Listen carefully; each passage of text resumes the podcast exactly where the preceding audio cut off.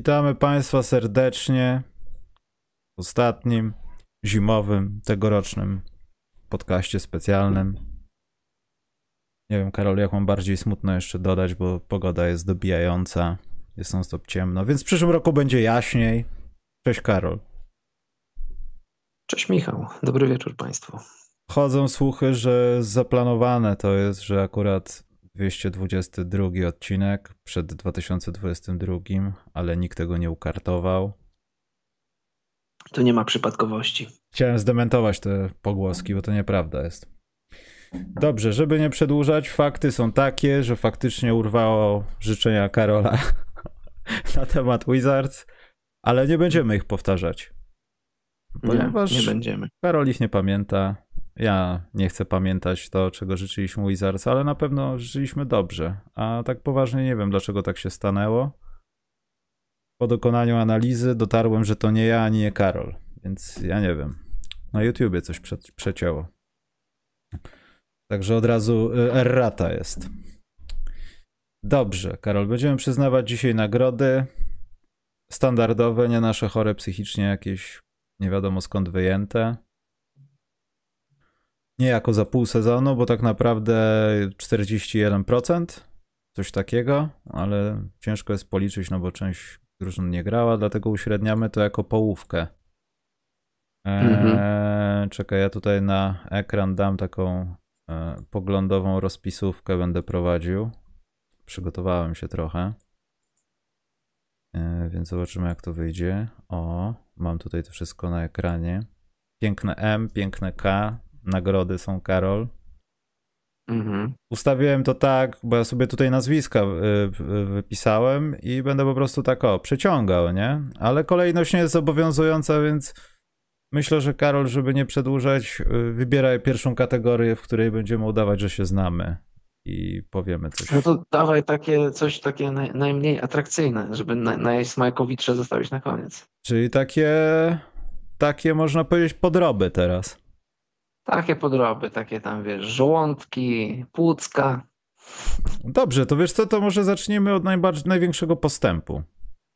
Cynaderki. Cynaderki, e, te. Zapomniałem, kurczę, była jeszcze taka inna nazwa podobna do cynaderek, cynaderków. A, zapomniałem. Dobrze, największy postęp, Karol. Yy, dla mnie, dlatego chciałbym zacząć od tej nagrody, ponieważ wydaje mi się, że ta nagroda będzie, możesz rezerwowy również. E, no i pomijam to, że trudność przyznawania nagród za ten sezon też będzie jakaś z uwagi na to, co się dzieje. Natomiast y, wydaje mi się, że największy postęp będzie najtrudniejszy do rozstrzygnięcia, już nawet nie jeśli chodzi o połowę sezonu, ale jeśli chodzi no, o całość sezonu, bo myślę, że im głębiej w las, tym będzie więcej drzew w tej, w tej nagrodzie e, i więcej będzie tych takich nazwisk, o których Karol możemy rozmawiać w kategorii kto mógłby tam być. Tak. I mam, wiesz co, mam problem z tym, że ja bym chciał rzucić kogoś takiego, kto się nazywa Jamorant. Ale mam z tym problem. Nie. E, to chciałem od razu zaznaczyć, to jest moja ulubiona nagroda, dlatego że pozostawia bardzo szerokie pole do interpretacji. Ale zaraz, Karol, przykład... właśnie ja się nie no. zgodzę no. z tym, bo to, to, to szerokie... Nie zgodzisz Znaczy nie, no zgadzam się z tym, w sensie tylko nie zgodzę się, że to jest łatwe. Ponieważ jak już pokazałem... Nie, nie jest łatwe, nie powiedziałem, że jest łatwe, powiedziałem, że jest bardzo interesujące. Że interesujące, ale jednocześnie też takie trochę niemiarodajne, no bo zobacz, no mamy... Ogólnie w moim mniemaniu nagroda najbardziej, yy, no największego postępu dotyczy graczy, którzy powiedzmy byli na zero w poprzednim sezonie, albo dwóch, albo w ogóle byli zerem w podejściu do e, koszykówki. I nagle teraz notują liczby, ich drużyny może nie grają jakoś super wybitnie, bo od tego są inne nagrody za pociągnięcie ekip, ale masz graczy, którzy są na progu bycia gwiazdą, tak jak rozmawialiśmy, nie wiem, o Antetokumpo kiedyś, o Donciczu kiedyś, ale jednocześnie są jedną nogą już poza tym gronem takich największych postępów, ale bliżej są MVP, jakichś większych nagród i tak dalej. I dlatego zawsze mi sprawiało to problem, że mamy, mamy jakieś gwiazdy, które notują niewątpliwie spory progres i załapują się do tej kategorii, ale mimo wszystko szukamy wśród tych takich, wiesz, no wystrzelę się z jednego nazwiska, ale Murray, Marejów, Bridgesów, Herro, Erro, czy Hero, jak to woli, i Jordanów Pulów. I trochę kłopot z oceną tego jest dzięki temu, bo tu masz gwiazdę, a tu masz kopciuszka, wiesz. Tak, tak, właśnie. No, z jednej strony kłopot, ale z drugiej strony to jest interesujące pod dyskusję, bo to jest zawsze pytanie tak, czy yy, fakt, że byłeś dobry i wszedłeś na poziom powiedzmy All-Star, czy byłeś słaby, byłeś jednym z tak zwanych no-name'ów i nagle wypłynąłeś na, na poziom ponadprzeciętny. Co jest trudniejsze, co jest ciekawe, to y, ja tutaj przyjmuję argumenty za jedną i drugą wersją, a, a, a kto danego roku będzie wygrywał, to jest zawsze, no nie chcę powiedzieć, że loteria, ale to jest zawsze ciekawa dyskusja. Y, ja uważam, tak mi, mo, moim zdaniem, że trudniej jest, jak już jesteś zauważony, jesteś y, zawodnikiem ponadprzeciętnym, już, już mówi się o tobie, ale nie w pierwszej kolejności, może nawet nie w drugiej. Jesteś graczem rotacyjnym i ty nagle wychodzisz na poziom, powiedzmy, że All-Star. Moim zdaniem to jest trudniejsze, bo All-Starów masz 24 y, każdego sezonu, a takich graczy ponadprzeciętnych to możesz się dolecić nawet, nie wiem, tam 80 czy 90 statystyki, test oka, historia i tak dalej podpowiadają, że łatwiej jest wybić się z tego takiego, z takiej przeciętności, takiej, że jesteś w jakiś tam sposób rozpoznawalny, ale nagle wystrzeliwujesz do, do bycia takim powiedzmy Fredem Van Vlietem z pozycji, że trochę byłeś jedną nogą w G-League, tu nagle jesteś zawodnikiem nie tylko rotacyjnym, ale już mocno pierwszej piątki. I to trzeba docenić, ale też tak jak powiedziałem przed momentem, ja bardziej cenię to, że byłeś dobry, ponadprzeciętny i nagle wychodzisz na ten elitarny poziom. Chociaż też z roku na rok moje, moje przyznawanie tej nagrody też jest takie trochę płynne, bo nie, mimo, że uważam, że to jest trudniejsze, to też mam też kandydatów, którzy są w tej drugiej kategorii, o której mówię, więc możemy otworzyć dyskusję, możemy podać parę nazwisk i sobie pogadać i zobaczymy, co z tego wyjdzie, bo to jest moja ulubiona nagroda, naprawdę. MVP wiadomo, podniecamy się tym, bo jest czym, najlepszy zawodnik w lidze, ale ta nagroda z racji tego, że jest tak złożona, jest tak interesująca. Czekaj, zakręciłem się, dobra, przeklikałem się, jakieś errory mi wyskoczyły. Eee, no dobrze, to Jamorant jest wśród tych nazwisk? Wiesz co, y, a y, trzeci punkt, który, o którym nie powiedziałem. Staram się unikać drugoroczniaków, wiesz? Bo, no bo po pierwszym roku u zawodników, szczególnie wybranych dosyć wysoko w drafcie, to spodziewam się naturalnego progresu. Ale Jamorant jest w trzecim roku, prawda? Czy się mylę? Mm, no chyba tak. Tak, w trzecim roku jest Jamorant. Jamorant spokojnie pasuje do, do tego. No on jest wśród moich kandydatów. Na pewno, na 100%. Dobrze. To kto jest twoim typem? Czy też pan Bridges? A, myślę tak. Myślałem o Bridgesie, myślałem o Dejonte Mareju, myślałem o Jamorancie, myślałem też o Taylorze Hero Hero, jak tam byś nie chciał. A, Tyler Hero chyba dostanie inną nagrodę, bo jeśli chodzi o A, tu, no, jedną jasne, kategorię, pod... jest już pewniakiem. Mo może idzie po dwie nagrody, kto wie. Eee... Nie wiem. Dla mnie to jest decyzja. Znaczy, Marej. Problem jest w tym, że on gra w San Antonio. Gdyby... No tak, nikt tego nie ogląda. No to jest jedno. Dwa, San Antonio dalej niesie ten bagaż skojarzeń, bo to San Antonio. Eee, tam są gracze, ale tam a, wszyscy są identyczni i to jakiś łysy fat, siwy facet na nich krzyczy. Ale ja nie wiem. Ta decyzja jest naprawdę chyba. Ja ci jestem ciekaw, jak przebiegnie głosowanie pod koniec sezonu, bo to może być, jeśli obaj zawodnicy będą no dalej robić to samo, no to będą, będą jakieś śladowe różnice głosów, jeśli chodzi o zwycięstwo. I wydaje mi się, że Miles Bridges będzie bliżej. Ja chyba. E, też tak może być. Chyba go zaznaczę a, czy zgodzisz, tam. Czy zgodzisz się ze mną z taką tezą, że e, jeśli chodzi o zawodników o takim wielkim talencie i wielkich oczekiwaniach, jak na przykład Jamorant, dawanie mu takiej nagrody w trzecim roku e, jego kariery to jest takie trochę disrespectful. Nie uważasz, że tak jest, bo Jamoran przychodzi do NBA jako wielki talent, ogromny talent, porównywany do Iversona i bardzo słusznie i, i ten jego start w lidze jest jaki jest, jest, jest dobry, przebojowy, w drugim roku jest lepszy, w trzecim roku jest jeszcze lepszy, ale czy to nie jest, to też, ta nagroda też trochę jest, y, jest y, y, taki element zaskoczenia, że trochę się nie spodziewałaś, a tu ktoś wychodzi spoza radaru, znaczy może się spodziewałeś, ten progres jest, a nawet, a lepiej jak się nie spodziewałeś. I pytanie moje, co o tym sądzisz, czy w przypadku Jamoranta, gdyby dać mu tę nagrodę, czy to nie jest takie trochę, he, no przecież my się spodziewaliśmy, hej, to jest wielki talent, On, on robi rzeczy, których się spodziewaliśmy i to może też trochę jest trudniej dla tych graczy, no ale wiesz, no to już mówimy o poziomie All-NBA, All-Star i tak dalej. E, jak najbardziej, tylko też tak nie wydaje ci się, że... Znaczy ustalmy jedno, John Morant już powiedział chyba, albo dał do zrozumienia, e, że on ma to gdzieś. W sensie te wszystkie rozmowy, te wszystkie rzeczy, które się dzieją naokoło koszykówki, e, poza samą koszykówką go za bardzo nie obchodzą. No, każda tego typu wypowiedź, czy nie wiem, czy potrzebujesz tego, tamtego, nie, ja potrzebuję wygrywać. Myślę, że e, on jakoś nie łaknie tego teraz, ale wydaje mi się, że grzechem byłoby, gdyby Jamorant żadnych takich nagród po drodze nie dostawał. Aczkolwiek, no, trudno się nie zgodzić, że gracz tego formatu dostający największy postęp to jest jak gdyby Aha, czyli nie braliście mnie jako siódme nazwisko do MVP, tylko dla was jestem Tak, tylko właśnie tak, największym tak, postępem. Właśnie o to chodzi. E, ale z drugiej strony nie, nie można przejść obok tego, jak Jamorant się rozwija nam w oczach i e, może jest mu łatwiej się rozwijać, w, e, nie wiem, w porównaniu do Mareya, Bridgesa czy kogokolwiek innemu, innego, bo ma większy sufit. Ale faktycznie to może być to e, za dużo NBA, disrespectful po prostu. Mhm. Trochę. Przynajmniej może być tak to odebrane, ale z drugiej strony nie bądźmy też takimi dziewicami. No, jeśli dostanie nagrodę za największy postęp, to będzie mu się to należało i nawet jak ją wyrzuci do ogródka, żeby zardzewiała przez zimę, to, to i tak będzie wiedział, że na nią zasłużył. A MVP myślę, że w przypadku Jamoranta nie tyle co nie nadej- nadejdzie naturalnie, bo to nie jest nagroda, która nadchodzi naturalnie, ale w kolejnych latach będzie to gracz, który będzie wymieniany w piątce ludzi, o których się trzeba mówić w- kategorii MVP za kilka lat. Przez kilka Mhm. najbliższych lat. Dlatego, no. Nie wstawiałem Jamoranta jako pewniaka, ale wydaje mi się, no, że trzeba na pewno o nim wspomnieć, jeśli chodzi o taki postęp sam w sobie. Wiesz, tak jak kiedyś obliczano, Boże, to był IBM? Ta nagroda IBM, Mutombo zawsze wygrywał. Tak, albo David Robinson chyba. No. Eee, komputer, wyp- to, to, to jak u Karwowskiego, komputer, komputer wypluł dyrektora.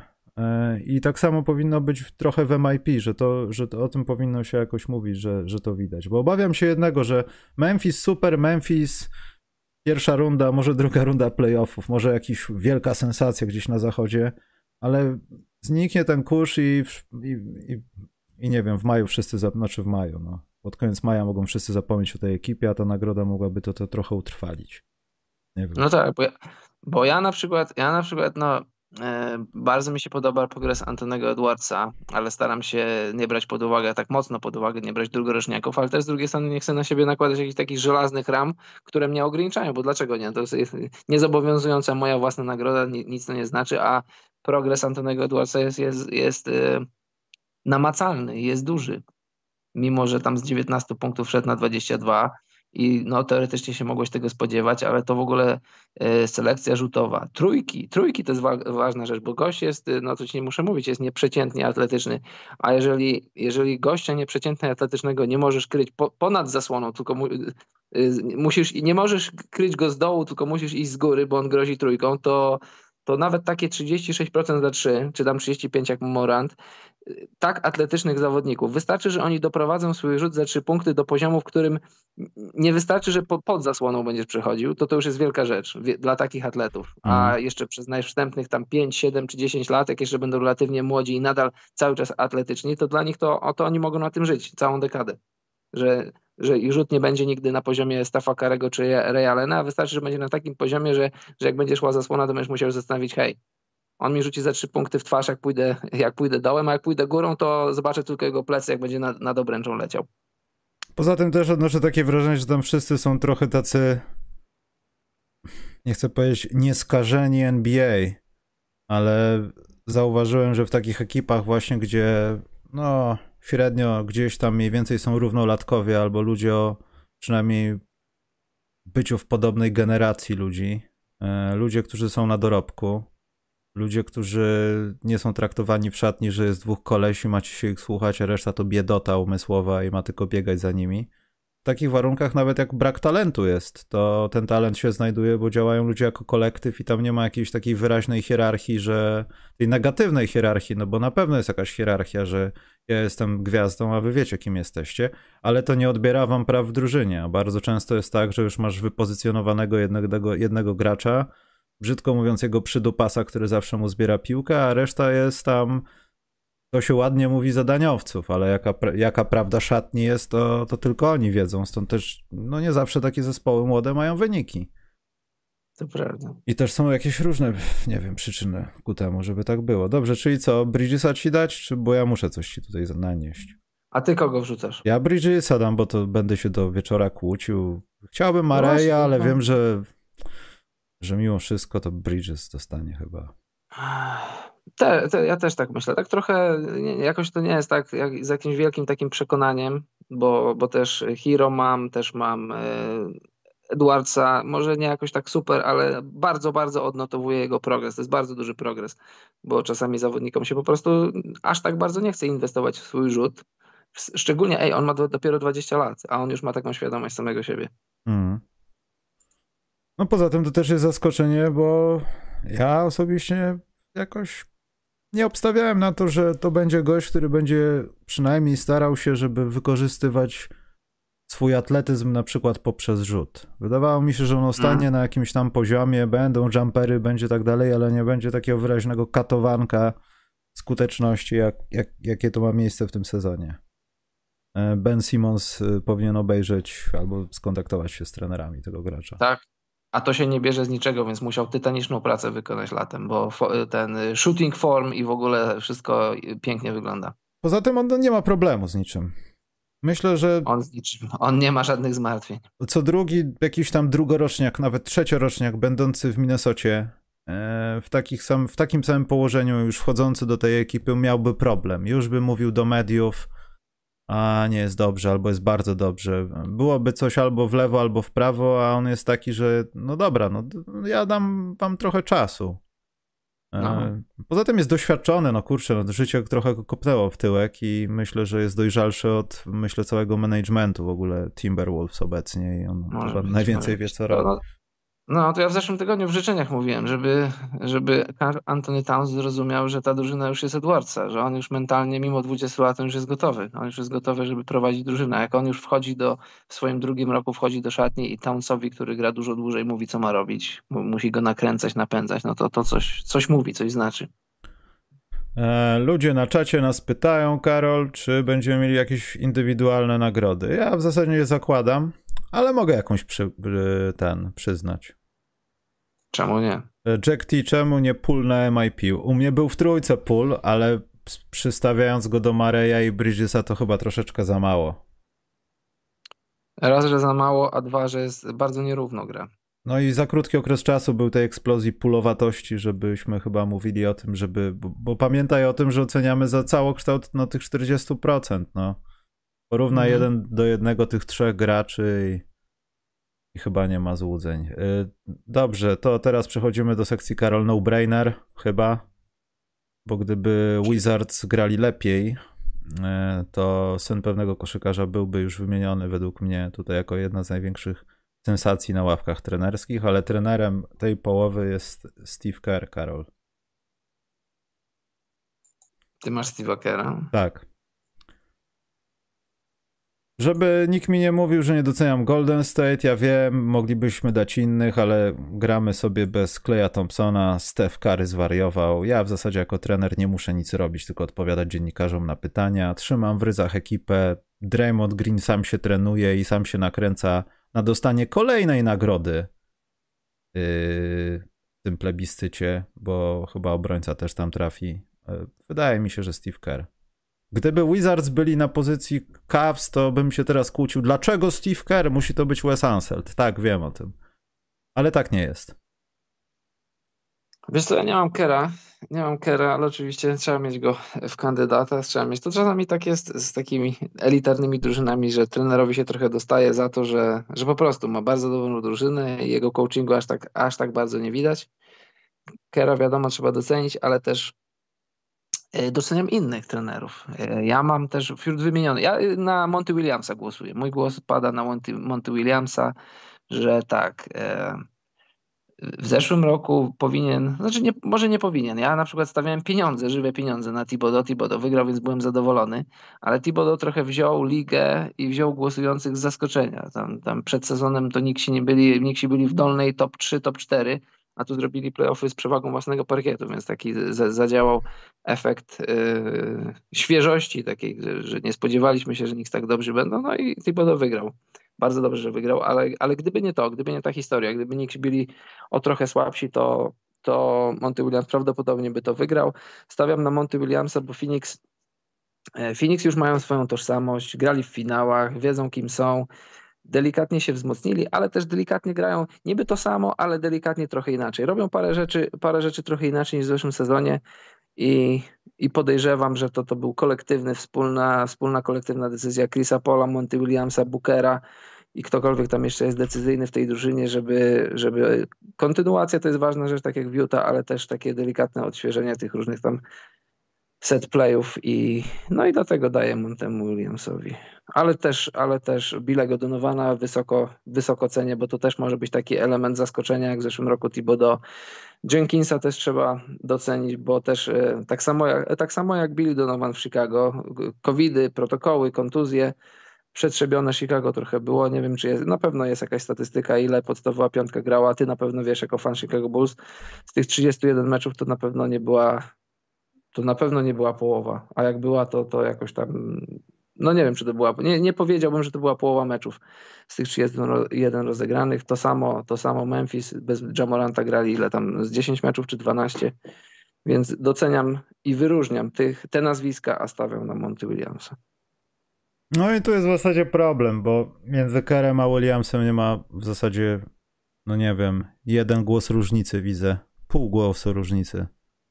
Oj, bo, prawdopodobnie, jasne, oczywiście. Bo, bo tutaj ja od razu mówię, to była wewnętrzna kłótnia kto, bo z tej dwójki. Ja oczywiście kupuję Jenkinsa, tak, jak najbardziej, no ale dalibyście szczerze mówiąc trenera roku, wiedząc o tym, że macie Williamsa i Kera tam gdzieś?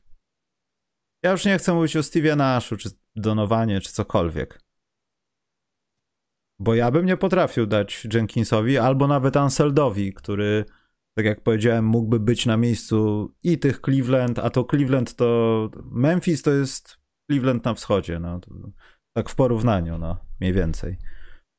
Dalibyście? Nie, wiecie o tym, że no macie tych dwóch gości, no. Albo Monty Williams, albo Steve Curry. Ja nie widzę tutaj możliwości, żeby, żeby było inaczej. No chyba, że liga chce no poprzeć, a wiemy jaki jest stosunek ligi do szkoleniowców, którzy są o, wiecie jak wygląda Taylor Jenkins. No właśnie, nie, to, to jest jedna rzecz, wiadomo jaka, ale też ciekawe jak, jak to pójdzie, bo w zeszłym roku, tak jak, tak jak powiedziałem wcześniej, element takiej świeżości, zaskoczenia, nie spodziewaliśmy się, wygrywa Thibodeau, okej. Okay. A ciekawe, czy w tym roku będzie tak, jak to często bywa, czy może w większości bywa, że powiedzmy drużyna, która była top 2, maksymalnie 3 w skali całej ligi wygrywa i, i nie ma wielkiej filozofii. Najlepsza drużyna, najlepszy trener, też wiadomo, że jak jest, jak jest multum talentu i te, te, talentu się aż, aż wylewa w szatni, no to, to, to masz trochę trudniej. Phil Jackson zawsze miał trudniej, Greg Popowicz też miał trudniej, żeby docenić to, co robią. I może słusznie, bo jak masz, jak masz drużynę tak zwanego samograja, no to masz samograja. Zobacz, Luke Walton. Luke Walton w jak dobry jest Luke Walton jako trener? Jako trener w Sacramento, czy jako trener jak, jak zastępował Steve'a Kera, który leczył chore plecy? I wtedy się mówiło, o Luke Walton, jak będzie fajnie go zobaczyć, jak dostanie nową y, drużynę, wiesz, jako samodzielny trener. Dostał w Lakers słabo, dostał w Sacramento słabo. To jak dobry jest Luke Walton, czy jak słaby jest Luke Walton? To za nami jest takie trochę złudne. Mm. Poza tym, no, trzeba dać komuś nagrodę i ja się zgadzam. Jenkins, Anselt, to gdybyśmy przyznawali na przykład, nie wiem, najlepszy trener, jeśli chodzi o postęp drużynowy drużyny, w sensie w stosunku do poprzedniego okresu, poprzedniego trenera, czy nie wiem, cokolwiek, to nikt by o Kerze Williamsie nie rozmawiał pewnie. Ale jeśli to ma być najlepszy trener całej NBA, to myślę, że też trochę takie złe. A wiem, że sam szedłem czasami w tym kierunku. Jest wybieranie kogoś, wiesz, bo ta drużyna była do dupy, są na piątym miejscu, bo są sensacją i trzeba dać nagrodę. Wiedząc po, o tym, że no Golden State już zdobyło tytuł mistrzowski, już Karol, możemy rozmawiać o 22-23, bo to nie ma sensu.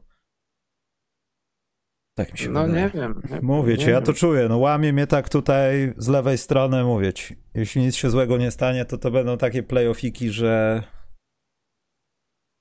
Już, już mo mogą rozdawać tytuły. Chociaż chciałbym, żeby nie było, bo emocje powinny być jakieś. No, Phoenix też łatwo się nie sprzeda. Dobrze. Debiutant roku, Karol. A czekaj, tylko jedno no. zdanie. Zobacz na przykład, y, jeszcze wracając do tych, tej percepcji patrzenia na trenerów. Zobacz na przykład Billy'ego Donowana. Jak, jak w Thunder był, to mówili, jaki słaby, on tylko to, izolację dla Westbrooka, tylko piłkę dla Westbrooka. Niechby zrobił coś, niechby, niechby Westbrook pograł trochę off-ball. I co się okazało? To nie, to nie wina Donowana. Donovan jest, ma, ma głowę na karku, umie rysować i w obronie, i w ataku. Czasami, czasami po prostu ja uważam, że pracę trenera jest najtrudniej ocenić, bo bo po pierwsze, po pierwsze nie wiesz, jak tam jest w szatni, po drugie nie wiesz, y, jak to jest, bo tu mówisz zawodnik to, zawodnik tamto, a może ten zawodnik po prostu nie jest w stanie dobrze grać i, i trener dobrze o tym wie, a po drugie sam wiesz, agenci, y, GM-owie, właściciele są presje, ten ma grać, ten może mniej grać, ten ma więcej grać, ten podpisał kontrakt, to, to jak podpisał kontrakt, to od razu staje się decyzją drużyny więc ma grać minuty. Więc no, jest, jest dużo polityki i dużo rzeczy niezależnych od trenera, żeby rzetelnie móc ocenić pracę trenera. A poza tym sample, próbka. E, każdy, no już nie będę mówił, że każdy trener jest od czegoś innego, tak? No nie wiem, jedni są lepsi w tempie, jedni są, potrzebują pomocy w obronie od asystentów i tak dalej, i tak dalej. Ale musimy dać im tych samych zawodników i tą samą grupę ludzi, no, żeby ocenić tego, czy on jest lepszy, czy gorszy. Wiesz, tego nigdy nie zrobimy, bo nigdy się to nie stanie. Tak, gdyby to było możliwe. Wiadomo, że nie będzie, ale właśnie to, ta sama drużyna, ten sam skład i każdy z 30 trenerów nie zagra nimi no, coś tam. Poza tym, wiesz co, zdaje mi się, że Donovan, jeśli chodzi o Bulls, trafił chyba trochę w swój target trenerki rzemiosła, bo to chyba zawsze było e, 7 sekund albo mniej NCAA, dużo podań, bieganie, rzućmy truje, jak zbierzemy to ekstra, jak nie chłopaki, powrót do obrony. Wiesz, to było charakterystyczne w NCAA na, Boże, powiem, to na początku wieku. Wszyscy się zachwycali NCAA, aż to wszystko przyszło do NBA i już nikomu nie chce się oglądać koszykówki. Także tak to wygląda. Debiutant, Karol. Czy Scotty Barnes jest twoim debiutantem? To jest dyskusja między dwoma, albo Scotty, albo Scotty Barnes, albo Evan Mobley. To, to nie możesz pójść źle, z kogo byś nie wybrał. Ale myślę, że myślę, że Mobley mm. na ten moment. Niestety jesteśmy cały czas zgodni, więc nudne to jest, ale ja też jestem zdania, że Mobley właśnie tu już przy, przy ten. Gdyby Toronto było na lepszej pozycji, myślę, że można byłoby dyskutować na temat ewentualnego remisu ale to, co się dzieje tak, z tak, Cleveland, tak, no. i, i, bo to są inni gracze, no nie mówmy, Scotty Barnes i Evan Mobley, e, dla nich koszykówka jest innym sportem. E, w obu przypadkach to jest tak samo dobre, natomiast patrząc na Mobleya i Barnesa, to są w ogóle dwie inne osoby. Barnes mam wrażenie, że gdyby NBA była w Bomblu i zostało trzech graczy, Scotty Barnes dalej stałby na linii rzutów osobistych, śmiejąc się, że jest w NBA jest niesamowicie fajnie jest strasznie pozytywnym gościem i myślę, że tego chyba właśnie potrzeba w Toronto, żeby nie było żadnych jakichś napiętych gości, tylko wszystko bezpiecznie, do celu, wiesz, wrócimy do finałów albo przynajmniej będziemy bywać w playoffach częściej. Scotty Barnes tam pasuje, ale Mobley wygrywa, no wygrywa na talerzu w statystykach, w sercach fanów z Cleveland. mogą zapomnieć przez jakiś czas o LeBronie Jamesie, bo dobre czasy u nich są to fajnie, że w Cleveland są dobre czasy i w Chicago naraz. No i w ogóle Cleveland wygląda. Ja też jestem zaskoczony, że Markanen wygląda jak człowiek czasami w tej drużynie. W Bulls nie przypominał człowieka, jeśli chodzi o koszykarza zawodowego. Człowiek, człowiek Fin. Człowiek Fin. Może potrzebował no, takiej tak... ekipy. Wiem, że Brooklyn Nets nie mogą patrzeć, e, no ale na, że mogli rozegrać trochę pieniążki inaczej, e, nie bawić się w jakieś dziwne podszywane kontrakty, tylko mogli sobie zrobić coś z tym kolesiem, zapłacić mu jeszcze raz, zaciągnąć go na siłę, porwać go, nie wiem, wpakować do bagażnika, przewieźć go, przebrać za kobietę, nie wiem, cokolwiek. Ale żeby go odzyskać chociażby. Oni po prostu nie mogą patrzeć na to. No. I na całą pierwszą połowę sezonu, no. Myślę, że myślę, że jakby, jeśli wracamy do tej wymiany, jakby ogłosili na, na wolnym rynku, że Jared Allen jest do wzięcia, to, to wyjęliby dużo więcej. Wiadomo, wiadomo, że tam na szali był James Harden, więc ostatecznie, jeżeli kiedyś tam z Hardenem i z KD zdobędą mistrzostwo, to się nie będzie liczyć, ale gdyby gdyby ogłosili koszykarskiemu światu, że Jared Allen jest do wzięcia, to by więcej dostali. No, jeszcze raz mówię, no, na końcu tego łańcucha był James Harden, więc ostatecznie nie ma co, nie ma co mlaskać, ale tak w osobnym dealu, gdyby to było gdzieś tam możliwe. No tak, no też kto mógł to przewidzieć, może była ich inna ewaluacja co do tego zawodnika. Nie wiem, ale patrząc na tych wysokich biegających w Cleveland, to ciężko nie być fanem tej drużyny. E, no i Evan Mobley wygra tą nagrodę. Wydaje mi się, że drugą połowę sezonu też sobie przejedzie po swojemu. No i fajnie się oglądać takich ludzi, no, którzy tak, potrafią tak. Wie, wiele zrobić rzeczy, wiele więcej niż się ich posądzano. Dla niektórych to miał być wysoki, jakiś tam skrzydłowy, on będzie biegał, może coś rzuci, ale bardziej pod koszem, a tymczasem tam, tam jest więcej ciekawych rzeczy do oglądania niż tylko to. No i tak, i tak jak, tak jak mówisz, argument decydujący to jest to, że Cavs są dobrzy. Cavs są dobrzy i też w, w dużej, bardzo dużej mierze dzięki Mobleyowi, bo to często jest tak, że y, ten, ten wyścig po debiutanta roku odbywa się tak trochę w próżni. Drużyna może nawet być fatalna, a jak jeśli ty jesteś dobry, to jesteś silnym kandydatem. To nie jest tak jak to nie jest tak jak w MVP, że to musi być połączone z tym, że drużyna jest, jest, w czubie tabeli. Tutaj nie musi być, więc za każdym razem, jeśli debiutant czyni swoją drużynę lepszą, to jest, to jest wielki argument za tym, żeby, żeby, żeby mieć go w, tym, w tej nagrodzie, bo ja Scottiego Barnesa tak jeden do jednego, gdyby Raptors byli dobrzy, albo gdyby Cavs byli równie słabi jak Raptors, to można by było jeszcze bardziej dyskutować, a tutaj to jest dla mnie czynnik zawsze, zawsze taki mocno decydujący. Dobrze. jeśli indywidualne rzeczy są na porównywalnym poziomie. Dobrze, to MVP musi być na końcu. Więc e, jak w tym, jak w szansie na sukces ściągniesz za wstążkę? Masz dwie. W grochy i w paski. W grochy dawaj. Obrońca roku, Karol. Draymond Green. O, nudne to, nudne te nagrody, bo to też jest u mnie Draymond Green. Nie wyobrażam sobie kogoś innego, kto by nie stawiał na Draymonda Greena. Nie jestem w stanie znaleźć wytłumaczenia na to zachowanie. Ja wiem, ja wiem, Rudy Gobert jest w NBA. Ja wiem. Francuz parę głosów dostanie, ale, ale to w tym roku musi być. No znaczy nie musi, ale to jest dla Draymonda Greena w tym roku, moim zdaniem. Wiesz co, ja rozumiem, że nawet w przypadku trenera roku e, pierwszą zwrotką, dlaczego nie Monty Williams, to będzie człowieku popatrz na obronę. I w przypadku, no to też jest masło maślane, obrońca roku. Ale Draymond Green, to, to nawet nie chodzi o to, że Draymond Green jest dobrym obrońcą. Tu chodzi o to, że Draymond Green, kiedy jest na boisku i nawet nie dotyka przeciwnika, w żaden sposób nie ma kontaktu z piłką ani z graczem, który biegnie gdzieś po wbolowej zasłonie. Stoi koło gościa w zrogu boiska, załóżmy, albo gdzieś na obwodzie. On spojrzy, popatrzy, krzyknie do jednego z drugim, pobiegnij tam, popraw to, albo sam zbiegnie, jak już widzi, że no dobra, no te młode dzieci nie ogarniają pewnych rzeczy znowu, więc ja muszę to poprawić.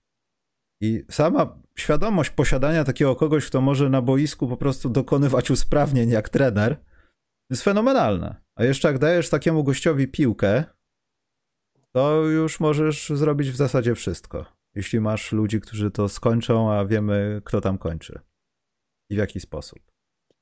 Więc to jest naprawdę, to jest y, obecny, to, to przetłumaczę teraz, obecność obronna, defensive presence, tak? No, jakby to powiedzieć.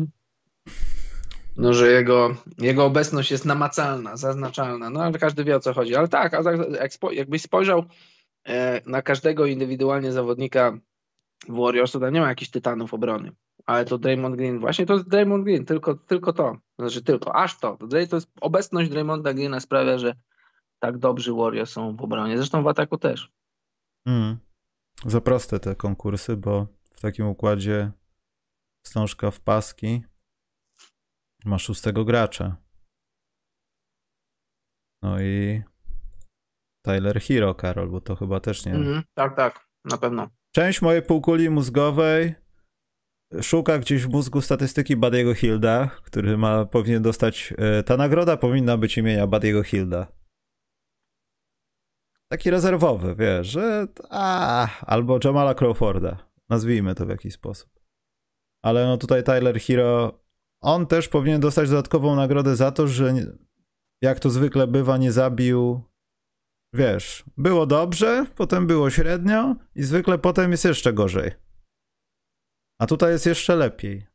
I za to powinna też być dodatkowa nagroda, bo to, bo to jest też rzadko spotykany przypadek, żeby ktoś szybko wrócił do formy.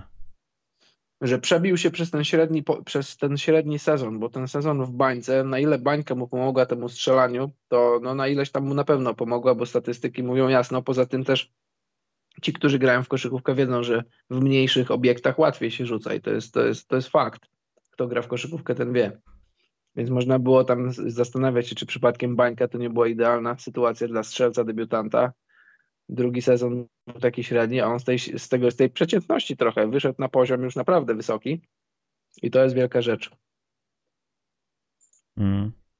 No i po, poza tym no, widać to po Miami. No, to, też, to też jest ważne, że nie będziemy oglądali takich Miami jak poprzednio że rozbudzili jakieś nadzieje tym świetnym składem i nagle się porobiły jakieś dziwne rzeczy. Ja pamiętam, Karol, te sensacje i dreszcze, kiedy Duncan Robinson zrzucał sobie piłeczką z Tylerem Hero do kosza. I potem, nie wiem kto to śpiewał, chyba któryś z tych bluesmenów, The Thrill is Gone. Nie wiem, czy to był B.B. King, ale taka... I był Thrill is Gone i Was Gone. A tymczasem pojawił się jeszcze jeden facet w tej ekipie, Miami. Miami powinno być groźne na playoffy. To też osobna nagroda. Y, najgroźniejsza z drużyna w playoffach. Miami Heat na wschodzie. Mm, to prawda. MVP, Karol. I tu się pojawiają no problemy.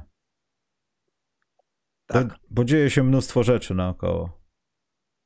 Janis Antetokounmpo, tak od dołu zaczynam. Mhm. Tak podeszłym wieku Chris Paul, który jakby wygląda jakby miał 15 lat i grał w koszykówkę z chłopakami na ulicy i wygrywał. Jest e, Nikola Jokic z rodziną. Tak. Który jest mentalnie zwariował. Jeśli, myślę, że pick and roll trzeba nazwać od jego imienia już. Już oficjalnie to zagranie w ogóle w pick and rollach jest jego. Rządzenie piłką, jak podadzą mu i trzeba podać, to też jest jego. To Myślę, ja, ojciec mój by się na mnie obraził chyba za to, ale Arvidas Sabonis z ZSRR bardzo by zazdrościł, jakby widział kogoś takiego jak Jokic teraz i tak, kurczę, czemu ten gość nie jest w naszej kadrze? To tam nie ma ZSRR? Nikola no. Jokic tak wygląda. E, ale wydaje mi się, że no, idąc mainstreamem e, i też idąc tym nurtem takim, że NBA lubi takie rzeczy i może to prawda, że troszeczkę pcha palec historii to musi być chyba to znowu ktoś z Golden State Warriors. No musi albo nie musi. I dochodzi kolejne nazwisko Steph Curry. Tak. Ja nawet przygotowałem sobie taką rozpiskę dotyczącą tego, jak to Las Vegas sobie bierze. E, jeśli chodzi o typy. To jest sprzed kilkunastu dni jakaś tam aktualizacja. I już ci, Karol, mówię.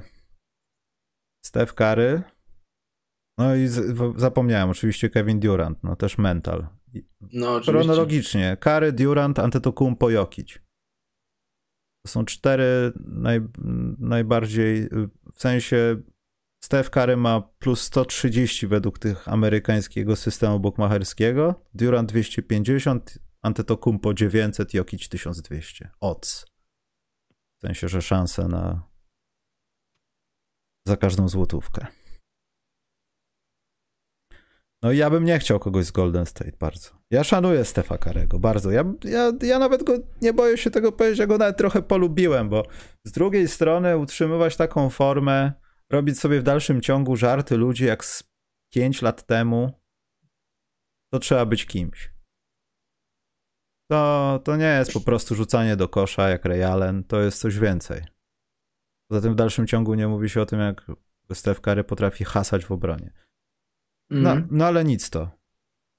Boję się, że tą nagrodę dostanie Kevin Durant. Czemu się boisz? Nie ma czego się bać. No bo uważam też trochę, że nie zasługuje na nią, bo znaczy... Bardzo zasługuje. To nie, to Jak? jest złe słowo, nie zasługuje. Chodzi o to, że pojawi się wtedy problem, gdzie jest Brooklyn, gdzie jest Golden State, gdzie są, gdzie są ludzie z Phoenix, którzy drużynowo powinni dostać MVP, bo tam żaden zawodnik może nie zasługuje na bycie w top 3 jeśli chodzi o dyskusję o tą nagrodę, bo są inni lepsi kandydaci, którzy się bronią statystykami, ale gdybyśmy zrobili kiedyś e, taką nagrodę Atlanty Hawks imienia Baden-Holzera, gdzie cała piątka dostała bodajże zawodnika miesiąca, tygodnia? Nie pamiętam, Karol, jak to było. Ta pierwsza piątka wtedy Atlanty. Tak, no albo tygodnia, albo miesiąca. Coś Chyba takiego, no. Co? miesiąca nawet. To Phoenix Suns by tą wygrało nagrodę za trzy ostatnie lata. Okej, okay, zgadzam się, ale tutaj mam poważny problem. Niby Jokic broni się, bo to Denver, ale to jest dalej Denver, wyjmujesz Jokicia z tego układu i nie ma absolutnie nic. Nie to, że tam coś jest, nie ma absolutnie nic. To też chyba nie jest sztuka być super graczem w drużynie, która ma głównie ciebie. I to też jest jakiś minus i u każdego nazwiska możemy znaleźć taki minus i nie wiem na kogo bym postawił, szczerze mówiąc. A wiesz co, ja bym powiedział, że to jest, to jest bardzo duża sztuka, jeśli jesteś ty, a potem długo, długo nic, bo, bo defensywa ma dosyć łatwo, ukierunkowuje się na ciebie, na, czyli na Jokicza, i więc jeśli ktoś ma tego wieczoru nas pokonać, to niech to będzie każdy inny nie Jokic.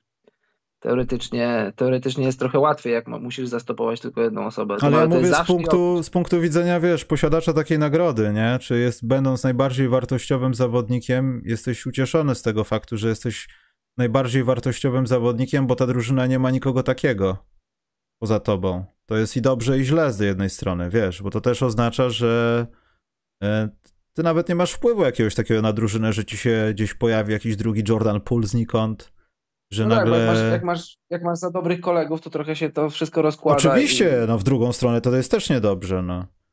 E, więc ja nie wiem, to jest dla mnie straszny problem, bo każdego trzeba byłoby rozłożyć na części pierwsze i byśmy znaleźli wszystkie te minusy i wszystkie plusy i byłby remis wiecznie.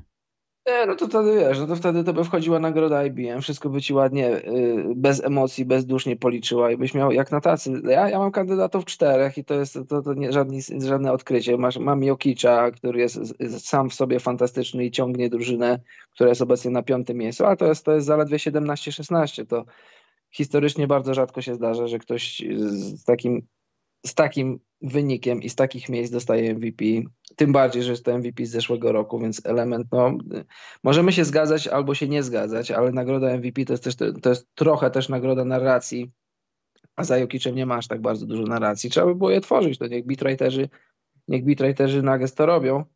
Mam też, e, mam też Antetokumpo i to, to jest, e, ja myślę, że ta kandydatura będzie coraz silniejsza, bo oni na pewno się dobrze wybawili w wakacje jako mistrzowie, ale teraz już ale teraz już powoli wracają na właściwe tory i to, to, jest, y, to są cały czas wyniki, że, że Bucks mogą być najlepsi w lidze, to jeszcze nie jest duża strata.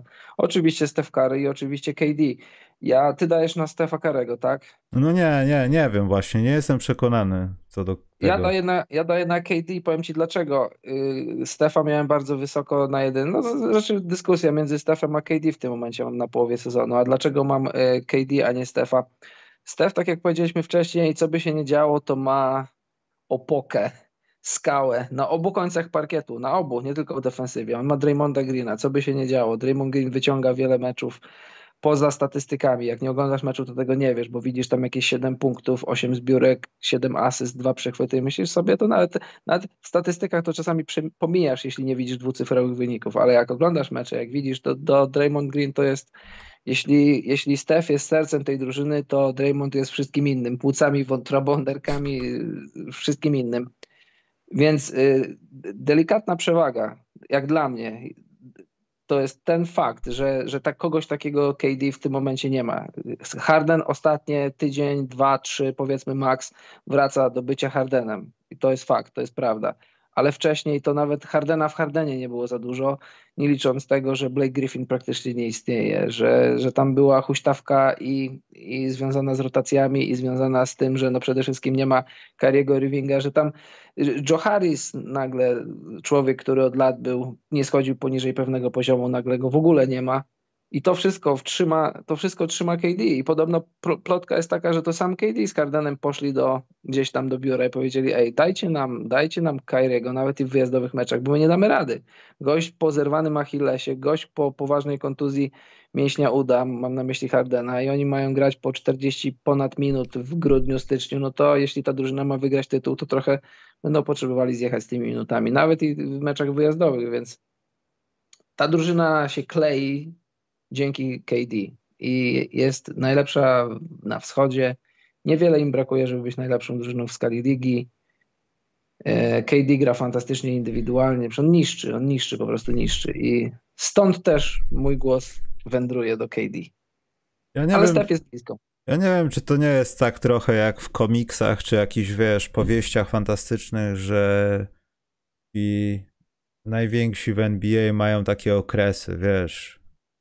Kobe Bryant był raz takim wężem, potem takim, potem kimś innym. Chuck był co sezon kimś innym. Mam wrażenie, że Kevin Durant jak gdyby z sezonu na sezon wchodzi na tak czarną stronę mocy, że aż po prostu świeci na, na, na jasno, o czym mówię. Jego bawią takie małe rzeczy jak gnębienie Trey Younga, gościa, który siedzi mu do pasa. I on po prostu go bawi się z, jak lew z półmartwym królikiem. Podrzuca sobie do góry, tam da mu pobiegać trochę, pogania za nim. Ten chłop ma dwa metry wzrostu ponad. Ciężko grubo jest, ponad. Grubo ponad. Ciężko nawet będąc takim chudzielcem biegać za kimś, kto jest połowę niższy od ciebie i go jeszcze niszczyć w obronie, nadążać za nim. I robić to tylko i wyłącznie dla własnego fanu, że kiedyś się z nim zdjęcie zrobiło, to ja ci teraz pokażę, synku. Dobrze, że jesteś w NBA, to jeszcze raz to przerobimy, bo już parę razy się widzieliśmy. Dlatego uważam, że Durant chyba traktuje to trochę osobiście, a co MVP w ogóle w, teraz w NBA to jest taki, że w dalszym ciągu w sezonie nie mamy, no już tam Johna Walla pomijam, ale Kyrie Irving nie gra, Ben Simmons nie gra. Jesteśmy w połowie sezonu. To jest nagroda MVP. To trzeba umieć. Ale nie, dobrze. Kupuję to. Steph Curry wygra tą nagrodę, zobaczycie. Na przepięknej gali jakaś legenda wręczy mu tą piękną nagrodę. Ale ja już w komentarzach nawet miałem beef, dlaczego Brooklyn, a nie Phoenix. Więc Kevin Durant u mnie też wygrywa. No, myślę, że, że no, i też zwró no, zwróć też uwagę na taką rzecz. E, KD e, już teraz bardzo słusznie jest w konwersacji, e, czy przypadkiem nie jest najlepszym, jak to mówią Amerykanie, no nie mamy tego odpowiednika, łowcą punktów. Gościem, który zdobywa punkty. Nawet i ponad Jordanem o miejscu jego w all time, gdzieś tam w top 10, top 9. Też bardzo słusznie, to, to, to nie są kontrowersyjne tematy. I, I gość tak wysoko ceniony, i jeszcze raz podkreślam, bardzo słusznie, ma tylko jedno MVP. Trochę mało, no nie? Mm. Fakt. Nie mówię, żeby to dawało mu jakieś fory, ale tak, tak historycznie, taki kontekst historyczny, że, że gość tak dobry, tak znakomity w ataku, tak nie do powstrzymania, tak dobry przez tyle lat, ma tylko jedno MVP. No wiesz, ale też trzeba wziąć pod uwagę w jakich czasach grał ten gracz, no jak się nagle okaże, że był taki wysyp talentu i super graczy i jakichś niestworzonych historii, że tak jak teraz mamy, że przynajmniej wymienisz pięciu zawodników, że jakby każdy z, no trzech, jakby każdy z nich dostał MVP, to by powstało nic więcej jak tylko kłótnia, ale każdy by stwierdził, dobra, dobra, no w sumie tak, ale i, i, i to też jest warte odnotowania, czy, czy czasami tak po prostu nie jest. Wiesz, 6 lat no. z Michaelem Jordanem i połowa NBA stanęła. No nie była w stanie zrobić nic więcej niż tylko być, zrobić srebrny medal. No tak, daleko nie trzeba szukać. To samo z Kobe Bryantem, też tylko jedno MVP, a paradoksalnie, a paradoksalnie dostał je w sezonie, w którym należało się bardziej Chrisowi Polowi. Mm, no właśnie. Dobrze, mamy chyba wszystkie nagrody przyznane, Karol. Ja to potem wrzucę gdzieś tam w komentarzach. No a gdzie Executive of the Year? Chcemy to przyznawać? Serio? No, dlaczego nie? No to ja nie mam nawet swojego typu, Karol. Musiałbym się teraz szybko no jak zastanowić. Nie masz? A pan, a pan Litwin w Chicago? No ale to muszą być jakieś kandydatury. No ja nie mogę od razu się wysprzęglić z panem Karnisowasem, zrobić sobie Homersa.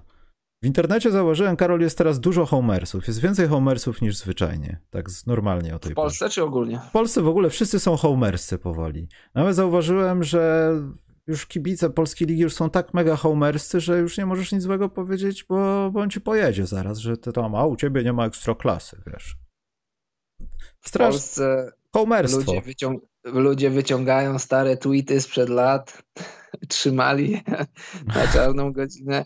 Wiesz, co jest fajne? Jak na przykład, jak na przykład e, jakiś zawodnik gdzieś tam był w jakimś dołku. Był dobry, później wszedł w kryzys, czy z, własnej winy, czy przez kontuzję, czy przez okoliczności, nieważne, no ale powiedzmy, przez, był przez parę lat e, na topie, później przez trzy lata był słaby, później wrócił na top. Jak przez te trzy lata był słaby, Ja nie mówię o jakimś tam ad personam jechaniu, tylko tak po prostu. Byłeś, był słaby i odnotowujemy. Byłeś dobry, teraz jesteś słaby. Stwierdzamy fakty. A ktoś nagle mówi, ale mówiliście w 2017, że on był słaby. No tak, bo był, a teraz jest dobry. To, to, to, są, to dalej jest ta sama dyskusja i tu dalej mamy, dalej mówimy prawdę w obu przypadkach. Wtedy był słaby, teraz jest dobry. A mówiliście, że w 2017 był słaby. No tak, bo w 2017 był słaby. Nie, on musiał być dobry cały czas. Tego tu nie rozumieć. No musiał, no może musiał. E, ja mam takie dwie nagrody od siebie, wymyśliłem teraz. Znaczy, a, chcesz egzekutywa, czyli od razu dajemy Karnisowasowi, tak? Mam to na no, nie. możemy dać jemu. Silny musi być też pan, pan Shepard z, z Wizards, że pchnął Westbrooka za, za ilu? Za trzech rotacyjnych zawodników. Hmm, ale będziemy dawać mu nagrodę, że akurat kliknęli? Bo chyba nie daliśmy sobie odciąć wszystkich członków za to, że to kliknie. Słuchaj, za, za samego. Za, no ja miałem Wizards w playoffach przed, przed, przed sezonem w typowaniach, ale za samego Westbrooka dostać trzech zawodników, którymi możesz grać, to, to jest niemała rzecz. No. E, zważywszy jeszcze na to, że troszeczkę tak antycypowałeś los Westbrooka, bo. Bo jakby za dużo to się nie zmieniło, no trochę regres nawet, jeśli można to tak nazwać, ale no, nie, jeśli ktoś się spodziewał przemiany w tym ja, no to musiał być debilem. Czuję się jak debil trochę teraz. Znaczy bardzo. Ale co, ja powiem ci, ja powiem ci że, że no, Lakers to jest zawsze temat, y, hot take, hot, hot temat, żeby, żeby rozmawiać o nim, bo tam zawsze można, można gorącą burzę wywołać, ale ja jeszcze nie skreślam Lakers. Tam jeszcze dużo dobrych rzeczy może się wydarzyć. W ogóle wszystko, co jakbyś tak spojrzał przed sezonem na, na takie jakieś tam, czy są jakieś ogniska zapalne w tej drużynie? No, no niby nie ma, a tu tak, Nan nie gra, Monk gra w kratkę, Westbrook ma różne swoje wzloty i upadki. AD przede wszystkim. AD raz, że kontuzjowany cały czas. Dwa, jak gra, to jakoś tak dziwnie gra. Nie, nie przypomina mi AD sprzed lat. Mhm. No LeBron też, też opuszcza mecze. Co, co miało się źle wydarzyć w Lakers, to się wydarzyło, a, a to nieczęsto nie się zdarza tak, że wszystko poszło, wszystko poszło źle. No. Jestem ciekaw, kiedy zacznie się, dzisiaj o tym rozmawiałem z Michałem Łopacińskim, kiedy zacznie się jakaś taka narracja, a może już się zacznie, a może obie ekipy temu pomogą. Paul George trochę pom pomaga już kontuzją czy obie ekipy w LA, z LA będą w playoffach. Bo jest tak dziwnie bezpiecznie blisko do play-inów. Jak będą obie w play-inach, dajmy na to, to jedyną dobrą rzeczą z tej zaistniałej sytuacji jest to, że będą, grali w, będą grały w play-inach te obie te ekipy i może trafią na siebie. Więc jednocześnie któraś musi wygrać. To jest plus żeby bronić honoru Los Angeles, ale jestem ciekaw, kiedy nadejdzie ten czas, o ile w ogóle nadejdzie. Czy będzie taka rozmowa, czy będzie, wiesz, znowu granko w kratkę, czy też nie. No jestem ciekaw. Bo Clippersi też, no, łatwo nie będą mieć, już nie mają. No, nie będą, nie będą. Karnisowa z nas, znaczy da, dać, czy nie? No tak, jak, no słuchaj, no kogo możesz mieć? Karnisowa złamane przez Shepard, kogo tu, jakich tu jeszcze, jakie kandydatury możesz mieć? Bo tu jakichś takich mo monumentalnych, wielkich wymian się, takich wielkich wymian nie było, jakichś takich odmieniających drużyn. No na hmm. pewno nie Lakers. Nie. Poza tym to jest taki Warriors okres, że... to raczej, no, Warriors raczej natura naturalnie, Suns też jakoś naturalnie, bo tam dodali małe, małe elementy. Ja między Shepardem a, a właśnie Karnisowasem. Mm, dobrze. To ja to zaraz naniosę. Tu się zaczytałem. E, czy Hero zapisze się w historii? Pytał Gruinsman. W historii Miami to on już chyba się zapisał gdzieś. Ale czy w historii NBA, czy to będzie aż tak? No nie powiedziałbym. Nie mówimy nie, ale kto, no kto wie. Mm. Dobrze. Eee, coś ja chciałem, czekaj. Chcę zobaczyć jedną rzecz. Jaka jest lista tych, co ostatnio wygrali? To wtedy co nie. Wygrali? Tą nagrodę Executive of the Year. To wtedy nie damy tej osoby z poprzedniego roku i będzie już jednego mniej. Nie, no faktycznie. Ona jest słuszna, ona jest słuszna ta koncepcja. nikt mi inny do głowy nie przychodzi. Więc wiesz co, Karol, po prostu nie przyznamy tej nagrody, bo za połowę sezonu nie ma komu jej przyznać, jak mamy tylko dwie osoby do wyboru.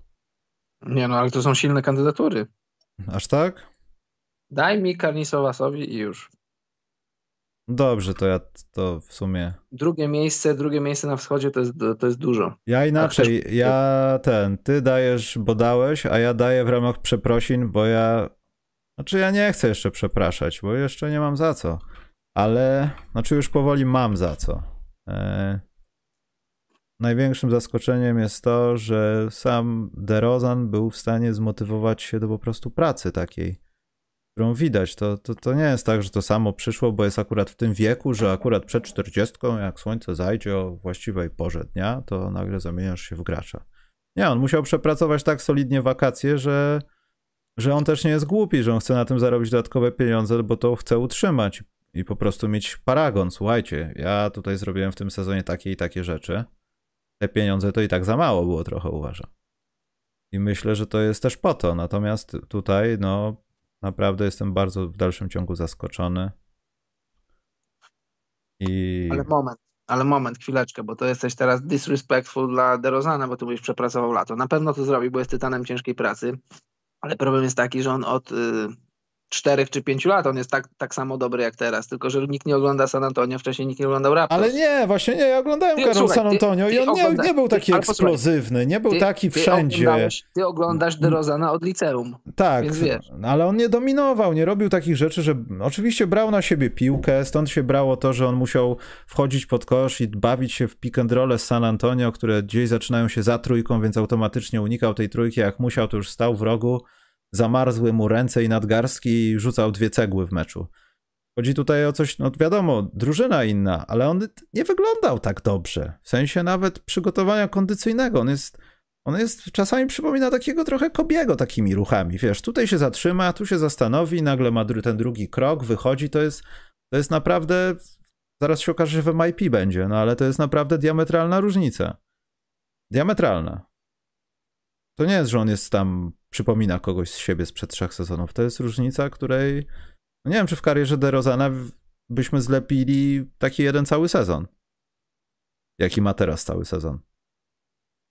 Zobacz, mówiło się, że może być problem ze spacingiem, bo on nie rzuca, ale on znakomitą rzecz zrobił, bo Billy Donovan z nim zrobił. Oni zredefiniowali, co to znaczy spacing, bo jeżeli w nowoczesnej koszykówce idziemy albo pod kosz, albo za trzy punkty, to się okazuje, że półdystans jest do wzięcia. I on biorąc półdystans pokazuje, że to też jest element zrobienia spacingu. Masz ludzi do rzucenia za trzy punkty, masz ludzi do wchodzenia pod kosz, a tam jest wielkie, że tak powiem, bezkrólewie.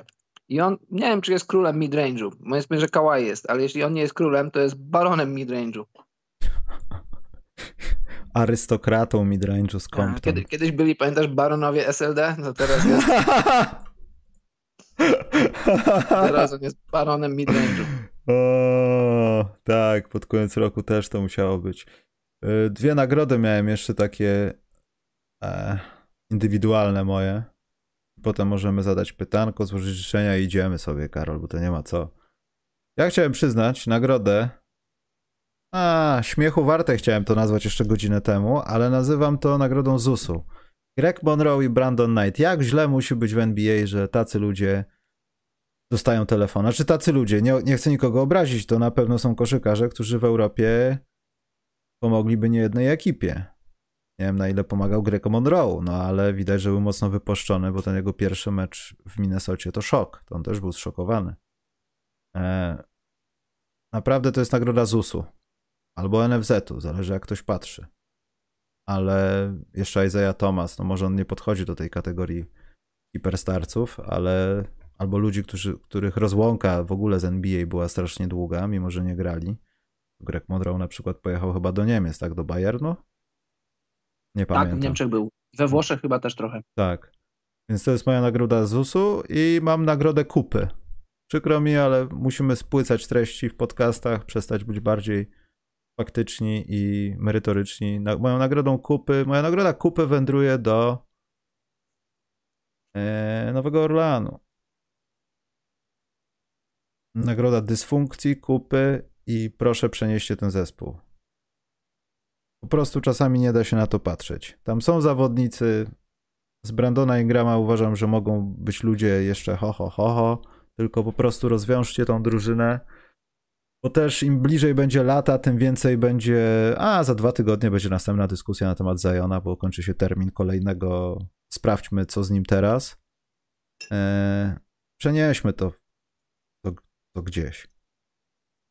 Trudno, zróbmy taki patent, jak chyba ostatnio u Simonsa w podcaście słyszałem, e, albo nie pamiętam, może u pana Windhorsta, że zamieńmy się za Simonsa, sprzedajmy drużynę i zacznijmy czystą kartę gdzieś Seattle albo Las Vegas. Oczywiście to jest niemożliwe, bo tak szybko się nie konstruuje nowych drużyn w NBA. Chyba na to potrzeba minimum ze trzech sezonów, jeśli ktoś by się już teraz dogadał i zorganizował pieniądze i wszystkie formalności, zwłaszcza w tych czasach. Ale no nie, no, no nie, no po prostu no nie.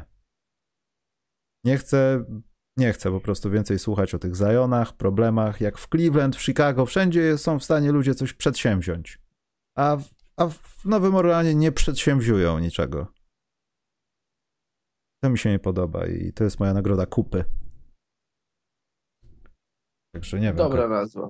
Ja Masz, mam taką jedną no? nagrodę, ale, ale bez nazwy. Może nag, na, nagrodę tłuszczu. Nagrodę bez nazwisk. Nagrodę bez nazwisk tłuszczu, która jakieś takie anty-MVP, coś takiego, ona też wędruje do Zajona i do, do Luki. Oni obaj, tak jak kiedyś Malone ze Stocktonem wygrali MVP meczu gwiazdy rozgrywanego w Utah, to, to tutaj oni obaj przychodzą w samych gaciach, takich zaplamionych jedzeniem, albo nie w samych gaciach, w takiej flanelowej koszuli, w takiej flanelowej koszuli, której możesz znaleźć dużo, jakby się tak wytrzepał, to znajdziesz z pół kilograma jedzenia. I oni w tych flanelowych koszurach odbierają swoją, swoje antytłuszczowe, znaczy nie antytłuszczowe, tłuszczowe anty-MVP. Jak? Ja tego nie rozumiem. Hajs w maśle to, dostają. Jak, jak, jak, wiesz, tak, jak w kostkach masła, które nie jest tanie ostatnio. I wcierają sobie w dziąsła masło, no, no, no. Smalec sobie wcierają pod pachy. Ja nie rozumiem tego, a wiesz dobrze, rozmawialiśmy nieraz, talent Luki Doncicza to mogę jeść łyżkami. No właśnie, jeść, jeść łyżkami. A, ale nie mogę przejść obojętnie obok tego, jak, jak facet, który ma świadomość swojego talentu, samego siebie. On samym talentem i samym tym, jak duży jest, już nie pomijając to, że jest gruby, ale jak duży jest, on może przyjść i być, być all-starem tak z marszu jak on nie rozumie, jak szkodzi samemu sobie. I to ja nie jestem od tego, żeby mu jakoś tam go umoralniać czy coś. On, on powinien mieć wokół siebie, wokół siebie ludzi, którzy może on ma takich ludzi, ale po prostu ma to gdzieś. Jeszcze jest na takim etapie swojego, y, swojej kariery i swojego życia, że, że, że jest, wiesz, czasami ludzie w pewnym wieku są tacy, że co ty będziesz mi mówić, jak ja jestem, jak ja jestem MVP konwersacji, jestem All NBA. Mm. Nie kułam tego. Ostatnio pamiętasz, parę tygodni temu wyszedł taki artykuł o, o Mavs właśnie ze środka. Dlaczego Kyle musiał odejść, dlaczego Walsh, nie, tak, Donny Walsh musiał odejść, dlaczego były tam różne wewnętrzne problemy. I między innymi wyszło też to, że to znaczy to nie jest jakaś tajemnica, że, że y, Luka Doncic lubi sobie posłodzić herbatę i to bardzo. Tak, tak zwany y, ulepek. Tak, tak, tak. No, jak tym, jak, jak, jak na Bliskim Wschodzie. Mięta i dużo cukru do herbaty, no ale to nieważne. I co chciałem powiedzieć? A, jeszcze, jeszcze taki, miałem kiedyś takiego, nie kiedyś, w wakacje takiego insiderskiego newsa od, od człowieka, który pracował przy kadrze Słowenii i gość zajmuje się takim właśnie atletycznym przygotowaniem do sezonu. I hmm. chciał współpracować z Luką. On powiedział, że to, to jeszcze nie ten czas, może za parę lat i że on podobno bardzo lubi wypić, wypić alkohol, imprezować i taki ogólnie niesportowy tryb życia, mało sportowy tryb życia prowadzić w wakacje. No, to tyle może o Luce, a Zajo, no to też, no to mówiliśmy to śmiechem, żartem, bo to może jest przykra sprawa, może sprawa jest bardzo, bardzo głęboka w, sw w, swojej, w, swojej, w swojej złożoności, no ale jeśli, jeśli by to tak podejść do tego tak po prostu, no to jest Zajon gruby, no i co tu by dużo mówić, no jest grubasem i też tego nie rozumiem, bo masz zaplecze, masz zaplecze e, infrastrukturę, masz, możesz przychodzić trenować, masz dietetyków, masz ludzi, którzy są przy tobie, mogą ci gotować codziennie, mogą ci, nie musisz nawet palcem kiwnąć, żeby zdrowo się odżywiać, ale nie robisz tego. Kontuzja kontuzją. Byli tacy zawodnicy, którzy, którym poziom tkanki tłuszczowej spadał, kiedy leczyli kontuzję, a nie rósł. Ale nie masz takiego wrażenia, że No nie boję się tego słowa, bo te poprzednie przypadki zawodników wybranych nawet nie tyle co z wysokim pikiem w drafcie, co z olbrzymim talentem, hypem, rozstawieniem we wszelakich rankingach po szkole średniej, po roku w NCAA też i tak dalej, i tak dalej, i tak dalej. To nie jest przypadek od przynajmniej 20 lat, kiedy e, ten talent jest zabijany w taki sposób. Bo myślę, że o skali talentu Zajona, ja wiem, nie dzisiejszego, bo nie ma tej trójki, to wszystko jest na zasadach Shaquille O'Neal'a w Paint i w ogóle, i w ogóle, ale jak widać było ostatnio działało i to świetnie, więc teraz pewnie by jeszcze lepiej działało. Wiesz co, so, muszę ci no. przerwać. No. Tak, oczywiście tak, ale też trzeba zwrócić uwagę, że może nie ma trójki, ale y, rozgrywa. Dowiedzieliśmy się, że umie rozgrywać. Tak. To też jest wielka rzecz. Tak. Tylko czy to nie jest ten taki, no ja nie przypominam sobie takiego przypadku, takiego talentu, który widzieliśmy i to kawałkami, który w taki sposób jest jak gdyby zabiedzony, no. Mieliśmy graczy, którzy byli zabiedzeni, ale oni byli tylko chodzącą nadzieją, a nie już jakimś takim, wiesz, yy. Bo Zion przez jakiś czas był słowociałem i no, widzieliśmy wszystko, co, to, co mógł robić w NBA, już, już nie w jakiś NCAA czy przeciwko matematykom z kalkulatorami w plecakach, tylko z dorosłymi ludźmi w NBA, którzy też nie chcieli być na plakacie razem z Zionem, e, ale to, że na nim byli, e, to był wyraz tego, że i tak nie mogli nic z tym zrobić, bo to potwór. I no Właśnie, nie, tak. nie wiem, czy to nie jest po prostu jakiś taki przypadek bez precedensu w ostatnich, nie wiem, no w XXI wieku to wydaje mi się na pewno, chyba że kogoś zapomniałem znowu no musi być, bo zobacz, zeszły sezon miał, miał całkiem zdrowy. On tam stracił 10, tam niedużo meczów stracił i, i fizycznie wyglądał dobrze. I ten wymiar kolejny w sobie odkrył, czy tam odkryto w nim, że potrafi prowadzić piłkę. I to, to, to, tak jak mówisz, to jest, to jest bezprecedensowa sprawa, bo tu się wydaje, że będziesz się przygotowywał do nowego sezonu, pójdziesz krok dalej i fizycznie, i, i pod względem rozumienia gry, i talentowo, i wszystko, a tu nagle tak zwany, tak, i to wielki, taki setback. No rozumiem, kontuzje się zdarzają, ale kontuzja w połączeniu z tą taką zapaścią, no to to, to jest wielki, to, to ostatnich 20 lat, ostatnich draftów, no to masz Antonego Beneta, ale to już od początku było wiadomo, jak teraz powstają tam jakieś książki czy jakieś teksty na ten temat, że Cavs, oni nie wiedzieli co zrobić, oni chcieli sprzedać ten pik, oni nie wiedzieli kogo wybrać. Hmm. Spanikowali trochę w dniu draftu to, to też do Antonego Beneta nie ma co się przyczepiać. To nie był ani wielki talent, ani nikt nie miał go wysoko w swoich rankingach. Jakby tak przejrzeć ostatnich 20, 20 no to Greg Oden może, ale no to no, zdrowie poszło. Tak, Greg Oden, no. To jest taki ostatni przykład, bo potem pokazał, że, że jednak jakiś potencjał naprawdę w nim tam był. Tylko, że Szkoda Grega, Grega Odena, bo to taki, Brandon Roy. taki sympatyczny człowiek. No, ta, Brandon Roy też nie znam osobiście, ale zawsze jak widzę jakieś materiały z Gregiem Modelem to takie sprawia wrażenie. Czy widziałeś, wczoraj na story wrzucałem na, na Instagramie jakieś, nie, nie wiem kto to wrzucał, jakaś taka babcia, nagrane tak jakby kamerą taką gdzieś tam z boku, jakaś babcia podchodzi do Odena, pyta, czy, przepraszam, czy ty grasz w koszykówkę? A on tak mówi, kiedyś grałem. Mówi, założę się, żebym wygrała z tobą w kosza. On tak się uśmiechnął, ale potem, ale potem taka, taka ma taką smutną minę i, i to jest w tle taka, taka, taka dobra, dobrze dobrana muzyka, taki nastrój. No szkoda człowieka, bo no bo po prostu szkoda. Zdrowie, zdrowie nie miał zdrowia do NBA. Piękni prezenterzy w telewizji tak często mówią, że historia zatoczyła koło. No ale dzisiaj rozmawialiśmy o facecie, który w 2007 roku, tak?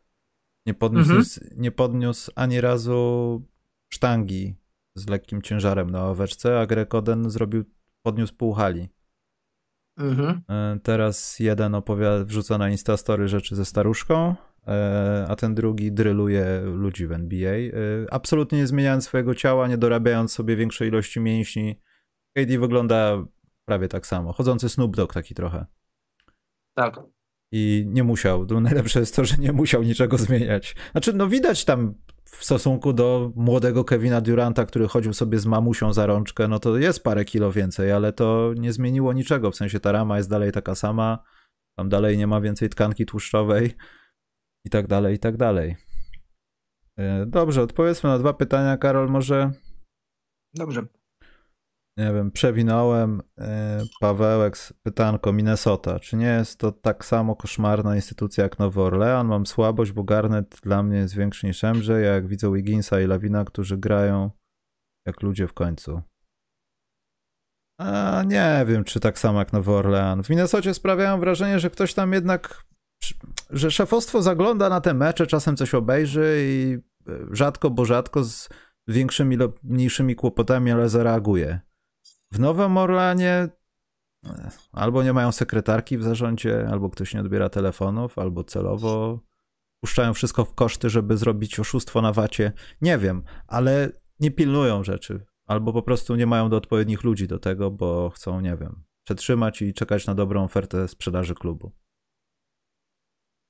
Ale nie szukałbym no. chyba porównania z Minnesotą, to za daleko jest.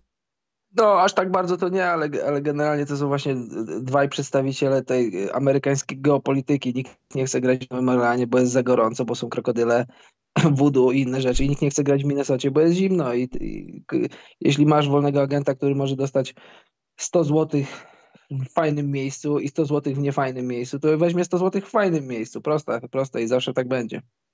Więc Minnesota, Nowy Orleans mają margines błędu praktycznie zerowy, muszą trafić w drafcie, muszą trafić z wymianami, bo nie na wolnym rynku, bo z wolnego rynku nikt nie przyjdzie. Jeśli, jeśli uda się, tak jak ty powiedziałeś o Edwardzie, że on sprawia wrażenie takiego gościa, że mówi spokojnie panowie, wszystko jest pod kontrolą, nie spieszcie się, a wszystko idzie we właściwym kierunku.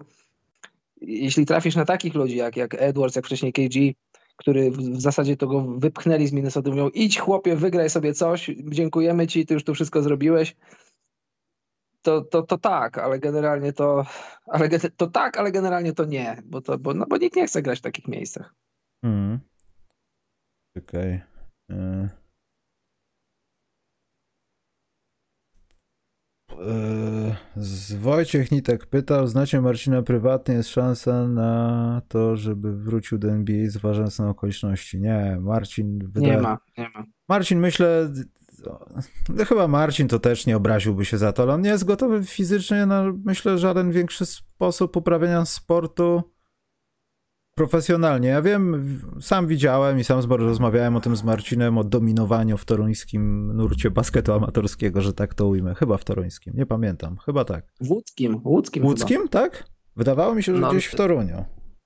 No nie on wiem. Przecież, nie no, nie, no, na początku grał w Łodzi, bo mam tam takiego kolegę, on mi wysyłał jakieś materiały prasowe, a czy gra, może i później poszedł do Torunia, ciężko powiedzieć, nie, nie wiem. Nie, wiem, no ale chodzi o to, że to widać, że y, ciągnie tego Gortata do lasu i e, no bawi się z ludźmi 30, 20, 10 z bloków w meczu na przykład, jakieś tego typu rzeczy, nie chcę kłamać, no ale to jest ogólnie w dalszym ciągu Marcin dla przeciętnego szarego gracza, nawet najlepszego w amatorskiej, no jest y, połykaczem ludzi ale wydaje mi się, że jakby Anwil Włocławek zadzwonił po dwóch, trzech treningach, Marcin myślę zacząłby dowiadywać się coraz więcej o swoim wieku i tak dalej. Wszystko jednak dobrze nie jest przygotowane.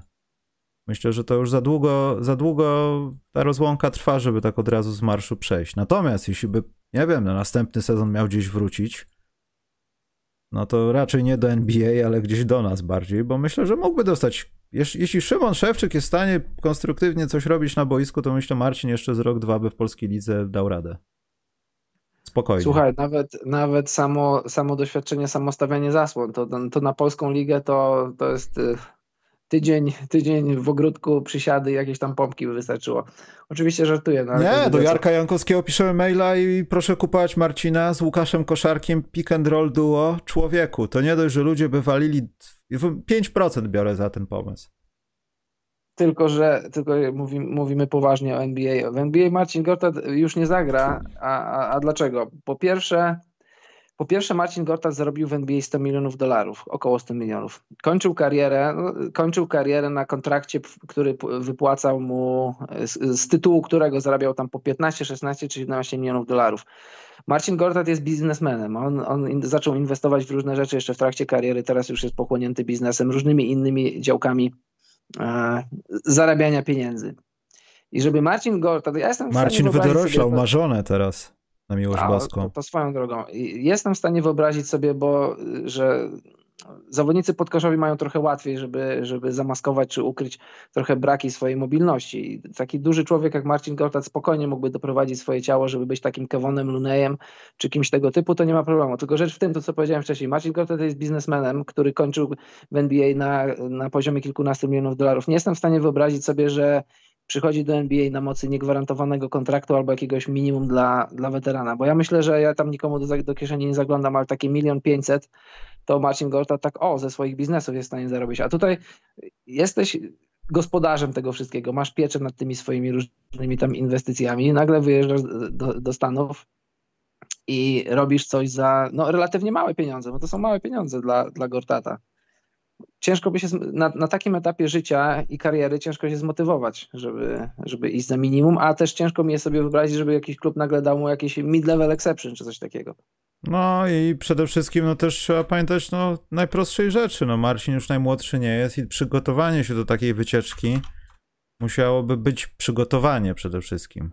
Bo tak, tak, z marszu myślę, że wiesz, na pewno jakaś siłownia czy coś, Marcin coś tam robi poza zabijaniem ludzi w Call of Duty, ale to i tak jest za mało. To, to nawet gdyby codziennie ktoś chodził na siłownię, to, to i tak potem wpadasz na rytm NBA i nagle nie wiesz, co się dzieje. No. Takie tak, są realia. tak, bo gdyby grał w NBA cały czas do, te, do tego momentu, e, a lat ma, ile ma lat Marcin? 84 rocznik, czyli lat 37. Gdyby cały czas grał w NBA, no to, to, to mogłoby to istnieć, ale taka przerwa, a nie grał od 2018 roku, to żeby z powrotem wrócić swoje ciało na te tory NBA, to, to byłaby ciężka droga. Nie niemożliwa, ale, ale z przyczyn, o których powiedziałem wcześniej, nie widzę tego. Co tutaj się upierdzielacie? Ja widziałem coś a propos toruńskiego amatorskiego meczu, ja to znajdę, a oni mi tu o łódzkim. Jakbym ja nie wiedział, gdzie Łódź jest. Co tu się wyprawia? Hejterzy. W takim układzie nie będzie więcej pytanek. Ja się obrażam. E, pytanko o Magic jest. Dobrze, to jest ostatnie pytanko o Magic. Mają świetną pierwszą piątkę. Czy mają szansę być Cavs albo Grizzlies w niedalekiej przyszłości? Czy Franz Wagner będzie kozakiem? Na ten moment Wagner jest znak większości Saks. Nie będzie kozakiem, bo jest Niemcem. O, ta bum. No, bardzo ładny żart, Karol. Taki Taki gaz, gazpromowy trochę. E, co ja chciałem powiedzieć? Ja myślę, że to jest też e, jakaś dyskusja była na temat Wizards, Magic, tam w komentarzach ostatnio, nie wiem, Karol, wchodzę niebezpiecznie w dyskusję z ludźmi w internecie. Wraca ta rzecz, ja, ja muszę to zaprzestać. Potrzebuję jakiegoś bana sobie, zrobić ban na odpisywanie. Nie mogę już tego robić więcej. E, że oni chyba już tam są, w sensie mają mnóstwo graczy, może nie tyle co mnóstwo, ale dużo graczy, którzy no, mają tam jakąś. Ja czekam Cole Antony, to jest. Sebastian Hetman powiedział, że to jest sleeper, jest sleeperem, i jak Sebastian także tak mówi, to tak jest. I tak jest. E, tamtego draftu. Natomiast no jest Obamba. Ja się tam może jakoś przesadnie nim nie jaram, ale dla mnie to jest jakiś dalej taki niewyraźny gość, który nie wiadomo w jakim kierunku podąża. Na szczęście żyje i idzie do góry, a nie, że jest tonem makerem. E, Isaac jest bez nóg. Nie wiadomo, co z chłopem dalej. O Fulcu wolę nie wspominać. To są chyba jedyne rzeczy, które mogą odróżniać no, ewentualnie ocenianie tego, czy to jest taka podobna przyszłość, bo to jest ten taki no, minus, który sprawia, że oni są w tyle, jeśli tutaj raz wspominał o Cavs i Grizzlies. To jest, to jest jedyna różnica na nie, chyba.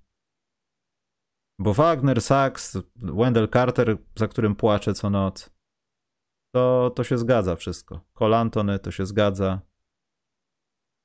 Podoba mi się to. Chcesz, Karol, na to pytanie odpowiedzieć? Nie, dziękuję. Aha, no to bardzo fajnie. Nie no, słuchaj, nie no, to, to tak jak powiedziałeś, jest, jest, jest sporo talentu, czy to może iść drogą kawsa? Oczywiście, że może, tylko potrzeba, czego tam potrzeba? No potrzeba potrzeba chęci wygrywania, bo, bo Orlando w zeszłym roku zaciągnęło hamulec ręczny, a nie po to się go zaciąga, żeby potem go zwalniać za chwilę. Hmm. To jest drugi rok tankowania. Tankowanie idzie im dobrze.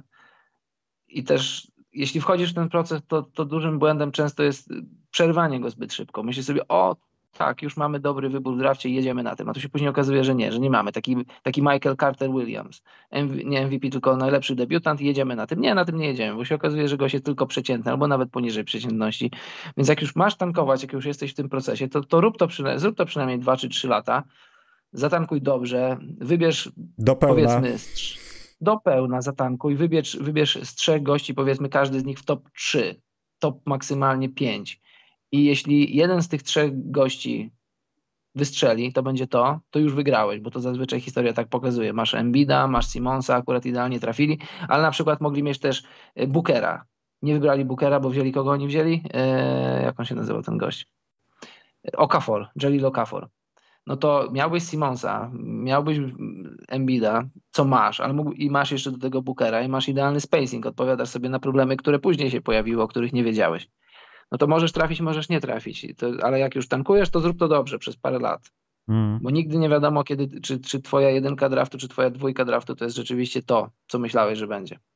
I też o tym się chyba mówiło, że to musi trwać i tak dalej, ale chyba trochę też wychodzi ostatnio na to, że żeby zbyt długo nie trzymać tych grup osób, które są odpowiedzialne za wybory w drafcie, bo z tych zawodników w ciągu trzech lat coś będzie. No nie wiem, wróćmy do przykładu Chicago Bulls. Kobe White od początku wyglądał na takiego kolesia, którym, się, którym jest teraz. Na szczęście już jest bardziej po środku niż na minusie, no ale to jest dalej człowiek, którego się nie powinno wybierać albo zhandlować go jak najszybciej. I to też widać po drużynach NBA, że te procesy tych y, zawodników, jak gdyby w klubach, są coraz krótsze, zależnie od talentu. Są takie dwuletnie związki i potem albo w klubie się coś dzieje, żeby pozmieniać, albo ci zawodnicy gdzieś lądują, albo są rozstrzeleni po G-League. Takie to o. Tak, masz rację. Ja jeszcze zapomniałem o jednej rzeczy. Zobacz, yy, bo ja tu mówię Booker, no to mogłeś mieć drużynę też, nie zapominajmy, tej Tuma mogłeś mieć, a wybrali Fulca. To mogłeś mieć z, z, z samego procesu tankowania Embiid, Simmons, Booker i Tatum. To to by była drużyna. I wszystko naturalnie, wszystko z draftów, wszystko z tankowania. Hmm. Dobrze. E, Bill powiedział w wywiadzie, że jest drugim najlepszym koleściem, z którym grał tak 3 lata temu, był Gortat właśnie. Ale Bill opowiada pozytywne rzeczy o większości ludzi, o których mówi. Polecam kanał na YouTubie jego żony. Poznacie drugą stronę, część osobowości Breda. Bradley Bill na boisku jest Billem, a na YouTube jest Brad. No i. Zaczniecie, zaczniecie współczuć chłopu. Zaczniecie rozumieć wiele rzeczy. Dlaczego jest taki, no taki jaki jest. Baba Hitler, jak to mówią. Albo pantofel. No, może. Dobrze, więc w tym przypadkowym, trzydwójkowym odcinku przed rokiem, który będzie miał też trzy dwójki i jedno zero w środku, Chcieliśmy wam życzyć wszystkiego najlepszego do siego roku. Nie odpalajcie petard od papierosa po pijaku pierwszej w nocy, bo właśnie znaleźliście taką paczkę, gdzie nie wybuchły dwie i jeszcze pewnie wystrzelą. Nie róbcie tego. Pamiętajcie Sylwestra. Nie budźcie się z obcymi osobami w łóżku nago podczas Sylwestra. W Nowym Roku też Dlaczego nie musicie. No Dlaczego nie? Możecie żałować. Pamiętaj, A, Karol, też nie żałować. Że Możecie ko- też nie żałować. Kojot, jak wpadnie w, w sidła, potrafi odgryźć sobie łapę, żeby się uwolnić. No. Mateusz Dobosz, dlaczego nie? No i też sobie bym życzył, żebyśmy mniej mieli jakichś fetyszystów na czacie. Eee, chociaż głównie pamiętajcie o petardach, bo nic mnie nie interesuje, ale na czacie nie będziecie mogli pisać, jak wam ręce urwie na przykład. Bo w zeszłym roku przypadki były, Karol, mnie niedaleko, że ktoś właśnie tak petardy potraktował ze szwagrem z naszych słuchaczy?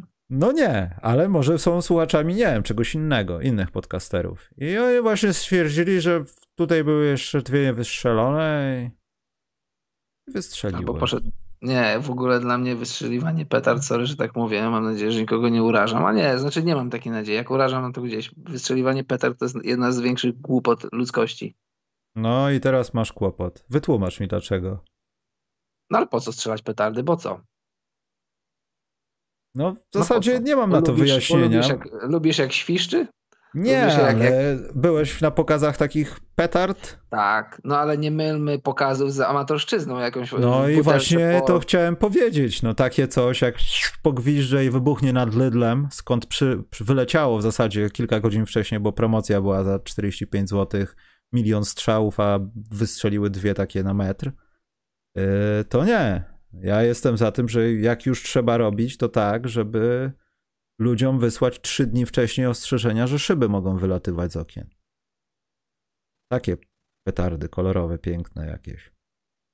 widziałem parę pokazów, czy na żywo, czy w telewizji. To mi się super podoba, jak to jest zorganizowane, ale takie coś, takie, że idziesz, kupujesz sobie petardy, później wkładasz to w, w butelkę po, po szampanie, który ówcześnie wypiłeś i, i, i świszczesz, i świszczą już od, żeby to od tego wieczoru, to już świszczą od, od 30 po południu, a świszczą jeszcze do Trzech Króli.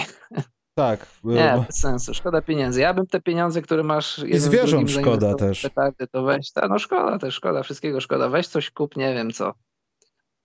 Coś fajnego sobie kup. Pół litra, zanim zdrożeje, bo od stycznia. Nie, kup. Ile kosztuje? Bo petardy chyba nie są tanie nawet, nie? Ja, nie, ja nigdy w życiu petard nie kupowałem.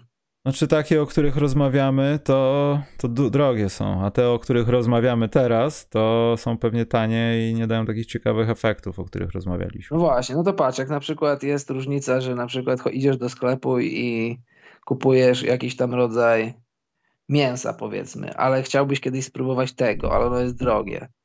Ale różnica wynosi tyle. To nie kup tej petardy, kup sobie tego mięsa, sprawdź sobie raz, drugi, czy jest dobre. Albo na przykład chciałeś sobie lepszy but kupić, lepsze spodnie Kup sobie to, nie kupuj petard. Już. Muszę pamiętać, żeby w noworocznym jakimś programie zrobić co mnie wpienia, bo mam, bo mam zażalenie do firmy Air Jordan Nike. Jestem bo co, system ci pękł? Nie, właśnie nic mi nie pękło, tylko zauważyłem pewną niedoróbkę. Jestem zbulwersowany, że w tej cenie takie rzeczy mogą mi się dziać. Ale nic to. Niestety, niestety, ale to tak, to jest, to jest ból naszych czasów, że kupujesz niby, niby flagowca, a tu czasami bubel się okazuje. Nawet zdjęcia zrobię, materiały porównawcze. Ja, ja to wszystko opublikuję w przyszłym tygodniu, pokażę wam jakoś. Dobrze, więc y, tak poważnie to najlepszego, do siego. Dbajcie o siebie, nie się nie pochorujcie. Może się usłyszymy w nowym roku. Może nie. Bo ja kupię petardy i wtedy nie będę miał jak obsługiwać sprzętu, bo nie będę miał pal palców, palcy tych w dłoniach, tych wystających rzeczy, co się zginają. Ale staram się, Karol, nie kupować takich rzeczy. Ostatnie petardy kupiłem z... więcej niż 5 lat temu. Dobrze. I byłem zdruzgotany. Dobrze. Dobrze, to jak masz jakieś jeszcze życzenia specjalne, to dawaj, jak nie, to idziemy. Ja się żegnam. Dziękuję Państwu bardzo. Dziękuję za cały rok, za, za, za donaty. Tobie też, Karol, dziękuję. Wszystkim dziękuję. Ja też dziękuję. Bulls dziękuję. Nie, wszystkim. Tak jest. Ja życzę ludziom, żeby byli bardziej pozytywni, mniej narzekali, więcej się cieszyli. Dostrzegali dobre rzeczy, a nie skupiali się na negatywnych. No i tyle. Dobrze. Wszystkiego dobrego. Amen. Trzymajcie Patrz, się. Pawełek napisał genialny podcast. Tak, i tego się trzymajmy. Tak. Coś w tym jest. Jestem genialnym podcaście. Dziękuję bardzo za genialny podcast. Trzymajcie się do przyszłego roku, do za tydzień, nie wiem. Zobaczymy. Trzymajcie się czołem. Dobranoc.